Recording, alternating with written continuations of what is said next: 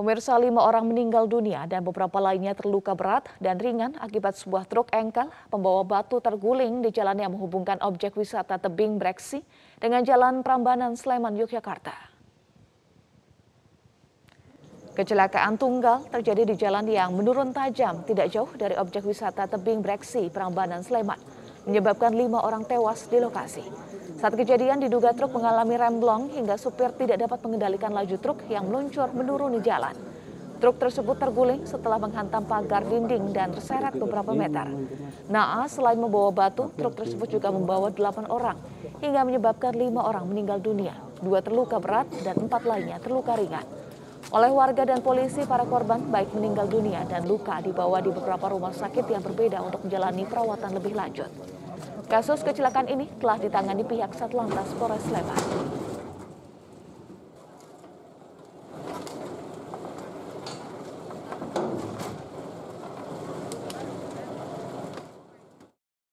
Sebuah bus yang tengah dalam perbaikan di bahu jalan tol Jor, kilometer 35 Cipayung, Jakarta Timur, ditabrak dari belakang oleh truk tronton.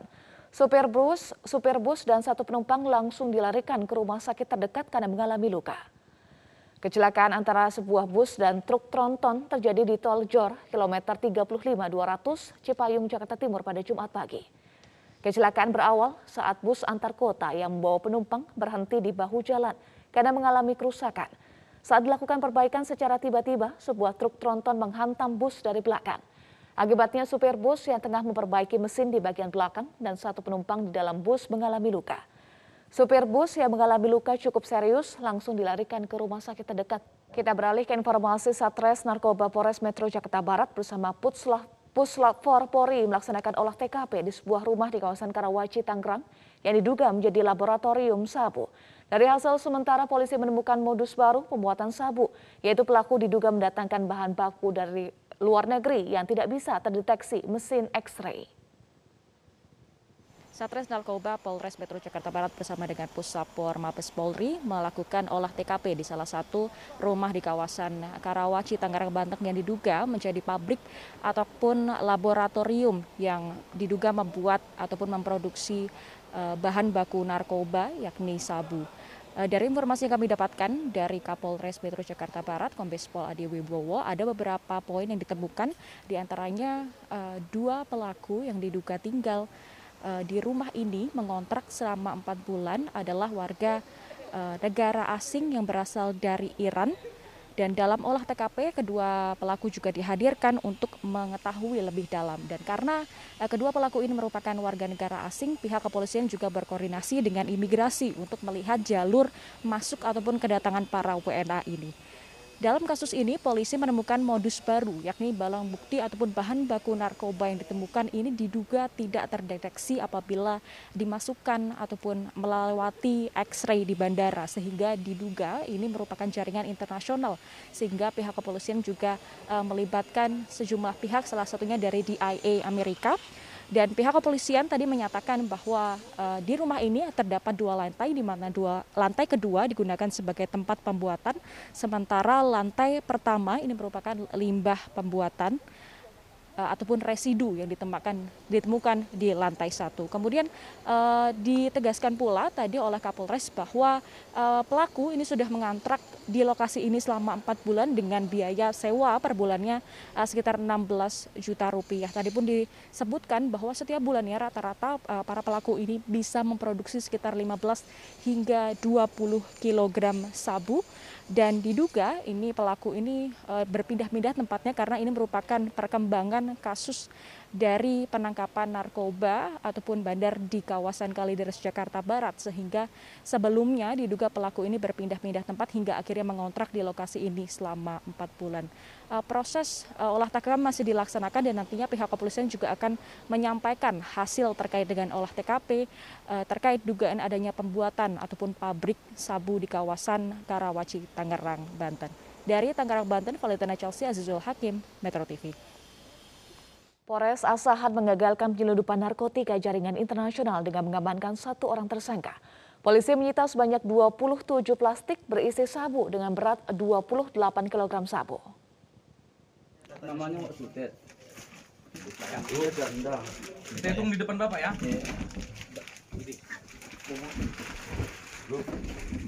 Ya. Pakai pling sudah hitung, pakai pling. Pakai pling hitung. Pakai pakai penghitung. Satres Narkoba Polres Asahan menggerebek sebuah rumah di, di Kelurahan Keramat Kubah, Kecamatan Seitualang, Raso, Kota Tanjung Balai pada Jumat. Saat dilakukan penggerebekan di rumah tersebut, tersangka tidak berada di tempat.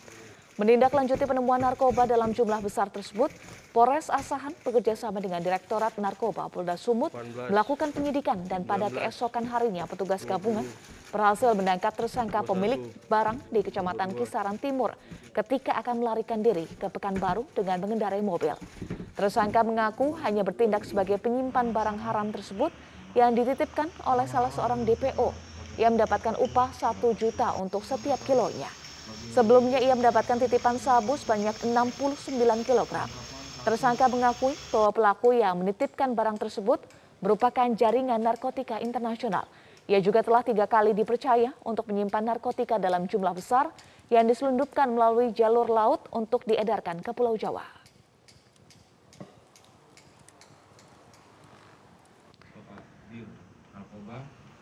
Akhirnya dalam tempo satu kali 24 jam Pemirsa komika Coki Pardede masih menjalani pemeriksaan di Polres Metro Tangerang Kota usai ditangkap karena penyalahgunaan narkoba jenis sabu suntik. Coki mengaku mendapatkan sabu dari teman wanitanya yang ikut diamankan. Tim penyidik Sat Narkoba Polres Metro Tangerang Kota hingga saat ini masih terus mendalami keterangan Coki Pardede usai ditangkap di rumahnya di Cisauk, Tangerang Selatan. Saat menggeledah rumah Coki, petugas menemukan satu buah plastik, klip, bening, sabu, dan jarum suntik yang diduga untuk mengonsumsi sabu. Coki sendiri mengaku menggunakan narkoba jenis sabu yang dibeli dengan harga 1,2 juta rupiah dari teman wanitanya yang turut diamankan oleh petugas. Kasat Narkoba Polres Metro Tangerang Kota AKBP Pratomo Widodo menyatakan akan menaikkan status Coki Pardede. Kita beralih ke informasi Polda Metro Jaya menangkap empat tersangka pencurian data aplikasi Peduli Lindungi untuk mendapatkan sertifikat vaksin palsu. Data ini dijual di Facebook dengan harga antara 350 hingga 500 ribu rupiah. Dua tersangka merupakan pegawai di Kelurahan Muara Karang, Jakarta Utara, sehingga memiliki akses data kependudukan. Keduanya juga mempromosikan dan menjual data melalui media sosial Facebook.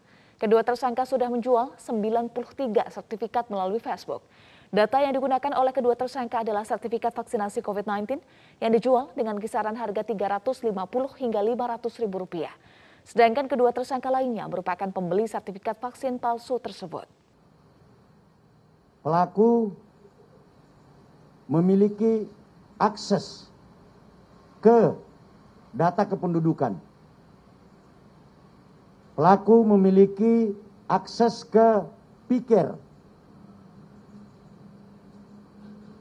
Lalu kemudian bekerja sama dengan rekannya untuk menjualnya kepada publik. Mengapa dia memiliki akses data terhadap NIK dan bisa mengakses piker? Karena yang bersangkutan adalah pegawai pada kelurahan di Muara Karang. Dia paham betul bahwa untuk bisa mendapatkan sertifikat vaksin dan bisa dipergunakan dalam peduli, peduli lindungi disyaratkan dua hal tersebut. Setelah mendapatkan akses ke nomor induk kependudukan, kemudian yang bersangkutan membuat sertifikat vaksin dengan memanfaatkan password dan username piker yang juga dia ketahui karena dia bekerja di sebuah kelurahan tersebut. Pemirsa beredar viral di media sosial sertifikat vaksinasi COVID-19 Presiden Joko Widodo yang berisi data pribadi hingga nomor induk kependudukan atau NIK. Data itu disebut Kementerian Komunikasi dan Informatika diambil oleh oknum tak bertanggung jawab dari penyalahgunaan data di fitur sistem peduli lindungi.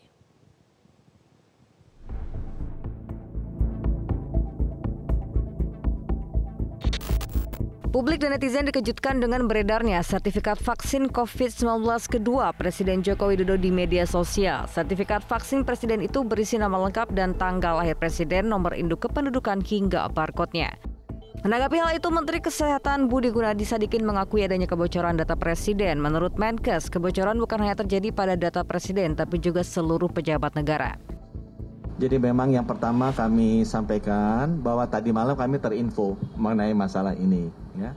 Sekarang sudah dirapikan sehingga data para pejabat itu ditutup. Nah memang tidak nyamannya itu banyak uh, bukan hanya Bapak Presiden saja, ya, tapi banyak pejabat-pejabat juga yang NIK-nya itu sudah jadi tersebar informasinya keluar. Ya. Kita menyadari itu, nah sekarang kita akan tutup untuk beberapa pejabat yang sensitif yang memang beberapa data pribadinya sudah terbuka, itu akan kita tutup. Sementara itu, Kementerian Komunikasi dan Informatika menjelaskan bocornya data sertifikat vaksinasi COVID-19 kedua Presiden Joko Widodo dilakukan oknum tak bertanggung jawab dengan fitur pemeriksaan sertifikat vaksinasi di sistem peduli lindungi dengan menggunakan NIK Presiden dan tanggal vaksinasi Presiden. Hanya saja, NIK Presiden sendiri bukan berasal dari sistem peduli lindungi. Namun informasi nik presiden sudah lebih dulu ada di situs Komisi Pemilihan Umum saat presiden mendaftarkan diri di pemilu 2019. Sedangkan tanggal vaksinasi presiden tersebar melalui pemberitaan media massa. Tak hanya data Presiden Joko Widodo yang tersebar, sebelumnya publik juga dihebohkan dengan dugaan kebocoran data masyarakat di aplikasi elektronik Health Alert Card versi lama.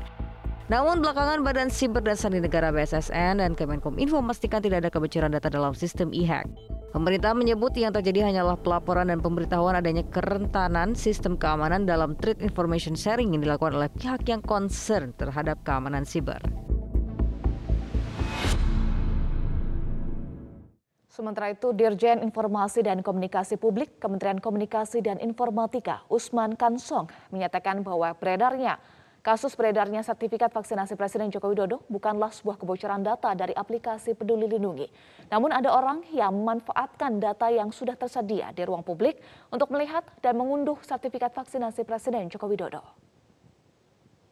Kalau kita lihat kasus ini sebetulnya bukan kebocoran data dari aplikasi eh, Peduli Lindungi, tetapi ada orang-orang yang menggunakan data-data yang sudah tersedia di ruang publik untuk melihat atau uh, mengunduh, mendownload atau mengunggah ya, uh, mengunduh sebetulnya mendownload uh, sertifikat presiden. Jadi dengan memasukkan beberapa informasi, ada lima informasi yang dimasukkan, yaitu nama, kemudian tanggal lahir, nomor NIK, lalu tanggal vaksin, ya eh, jenis vaksin itu dimasukkan dan data-data itu memang bukan diambil dari peduli lindungi tapi ada tersedia di uh, tempat lain di ruang publik begitu. Nah, kemudian ini dipakai untuk mengunduh uh, sertifikat uh, presiden. Nah, kami melakukannya seperti apa antisipasi di masa depan. Jadi begini,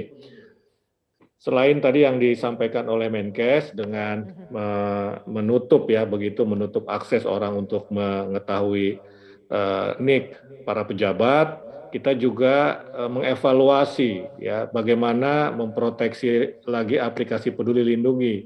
Jadi ya. sebelumnya kita itu menggunakan nomor handphone ya nomor handphone yang terdaftar supaya uh, supaya orang bisa mengunduh. Jadi orang bisa mengunduh kalau ada handphone yang terdaftar.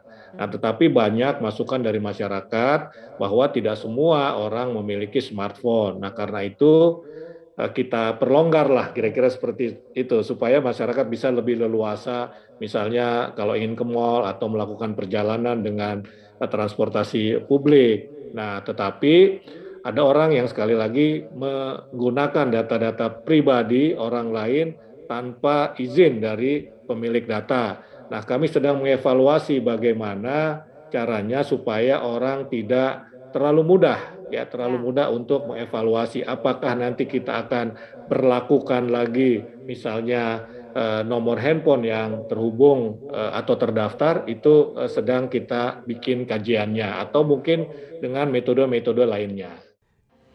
Pemirsa prajurit TNI asal Sulawesi Selatan yang gugur saat melaksanakan tugas di Papua Barat dimakamkan di kampung halamannya di Kabupaten Baru, Sulawesi Selatan.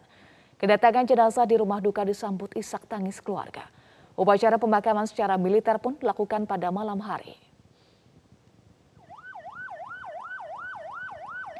Prajurit TNI Pratu Sul Ansyari Anwar yang gugur di pos Koramil persiapan Kisor, distrik Maibrat Selatan, Provinsi Papua Barat, telah dimakamkan di kampung halamannya di Desa Tompo Tengah, Kabupaten Baru, Sulawesi Selatan pada Jumat malam. Ratu Sul bersama tiga anggota TNI lainnya meninggal dunia usai diserang oleh teroris kelompok kriminal bersenjata. Saat jenazah tiba di rumah duka, keluarga dan kerabat korban tak kuasa menahan tangis. Nurjana, istri almarhum Pratu Anumerta Sul Ansyari, juga tak kuasa membendung air matanya. Kabarnya pasangan ini baru setahun melangsungkan pernikahan. Hal serupa juga dirasakan Anwar, ayah Pratusul, adik Pratusul yang kini sedang mendaftar masuk menjadi tentara juga nyaris pingsan. Saat peti jenazah hendak dibawa ke tempat pemakaman. Sementara itu jelang pelaksanaan Pekan Olahraga Nasional atau PON ke-20 dan Pekan Paralimpiade Nasional, Papernas ke-16 di Papua, Menko Polhukam Mahfud MD menegaskan secara umum kondisi politik dan keamanan di bumi Cendrawasih dalam kondisi baik memastikan bahwa eh, PON 20 dan Pepernas eh, ke-16 yang akan berlangsung di Papua, kita pastikan bahwa itu akan berjalan dengan baik. Saya selaku penanggung jawab di bidang keamanan menurut Inpres itu sudah melakukan koordinasi secara eh, rutin dan tadi kami baru mengundang Menpora, Ketua KONE, Mabes TNI, Mabes Polri, BIN, BSSN, eh, semua kita undang dan semuanya termasuk IO-nya sudah presentasi bahwa semuanya siap. Acaranya begini, keamanannya begini, PCR-nya begini, transportasinya begini, akomodasinya begini tadi sudah dibicarakan dan Seluruh atlet dipersilahkan datang dan e, dibuka semua tempat di situ mulai tanggal 20 September karena akan ada pertandingan-pertandingan perdahuluan, pendahuluan ponnya sendiri resmi akan dibuka 2 Oktober.